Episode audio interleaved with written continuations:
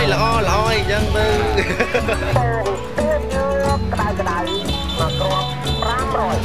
Het is ochtend in het avondland. Een podcast van Chris Janssens. Aflevering 13. De krokodillentranen voorbij. Schubbige prehistorische monsters zijn het, met aaibaarheidsfactor 0.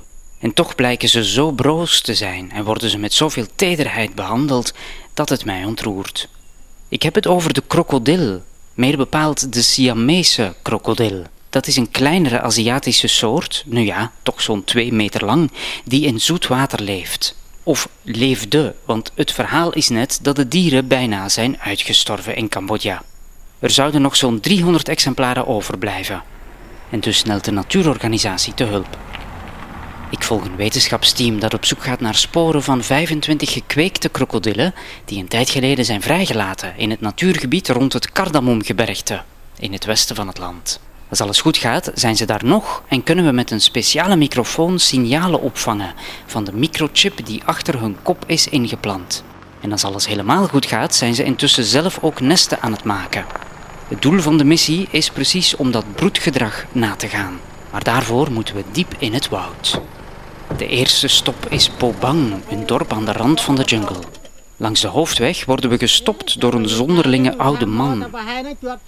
Hij zit plomp verloren op een constructie van aan elkaar getimmerde balken met een tentzeil boven zijn hoofd. Hij lijkt wel een heremiet die de hele dag heeft zitten wachten om ons zijn boodschap over te brengen.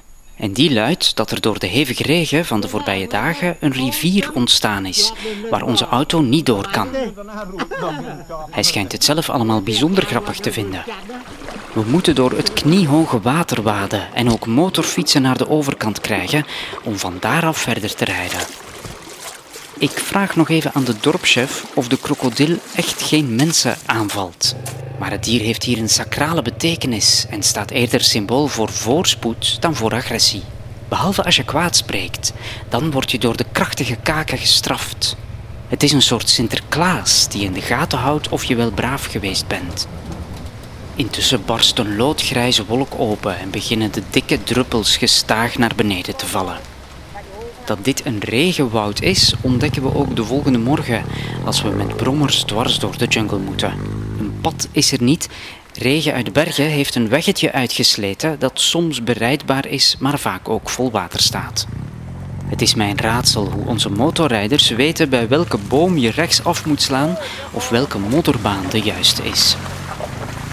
Met bagage en passagier achterop houden ze feilloos hun evenwicht tijdens een tocht die door waterpartijen gaat en over glibberige hellingen loopt. Dit zijn de MacGyvers van het bos die in barre omstandigheden zouden overleven. Ik ben er zeker van dat ze met blote handen een krokodil te lijf kunnen gaan, mocht dat nodig zijn. Maar ze zijn ook zo bescheiden. Als ik een compliment maak over hun rijkunsten, lachen ze verlegen hun gehavend gebit bloot en beginnen ze jongensachtig te giechelen. We komen aan bij de kampplaats. Voor het onderzoek gaan we met een kajak op het water. Na een hele tijd rondvaren ontvangen we het signaal van één krokodil, zowat twee meter lang, die vlak bij onze boot moet rondzwemmen. That's one of the really big ones.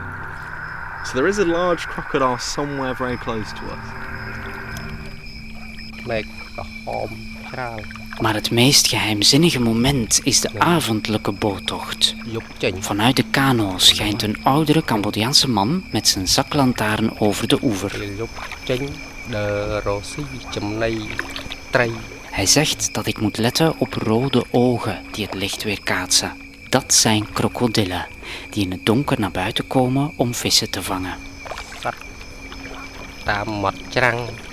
Zijn gedempte en geheimzinnige stem, het geluid van nachtdieren langs het water en een zoveelste onweer in de verte, waarvan we af en toe een bliksemschicht zien, doen mij denken aan een scène van Tim Burton. Maar dit is geen horrorfilm want ook nu krijg ik te horen dat krokodillen eigenlijk lieve dieren zijn, die in oude verhalen over Boeddha kwaad en onheil verjagen en die monniken hielpen om rivieren over te steken.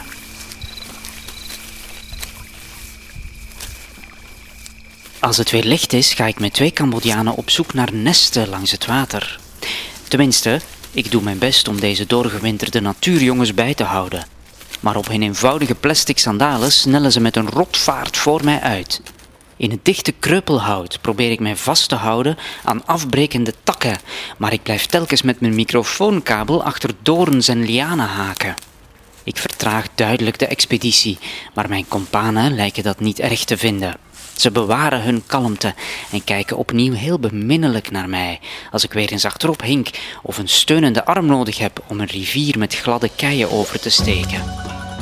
Waar we eigenlijk naar op zoek zijn, zijn sporen van de krokodil. Die pendelt tussen het water en de eigenlijke broedplaats, meestal een eind verderop in het struikgewas. Maar eieren vinden we niet. Toch is deze hele onderneming voor het team de moeite waard. Ik heb veel bewondering voor de inspanningen van deze mensen die op deze manier hopen een erg broos evenwicht te kunnen herstellen. Vind je deze podcast leuk? Abonneer je dan via Spotify en klik op de bel om elke woensdag een bericht te krijgen als er een nieuwe aflevering online komt.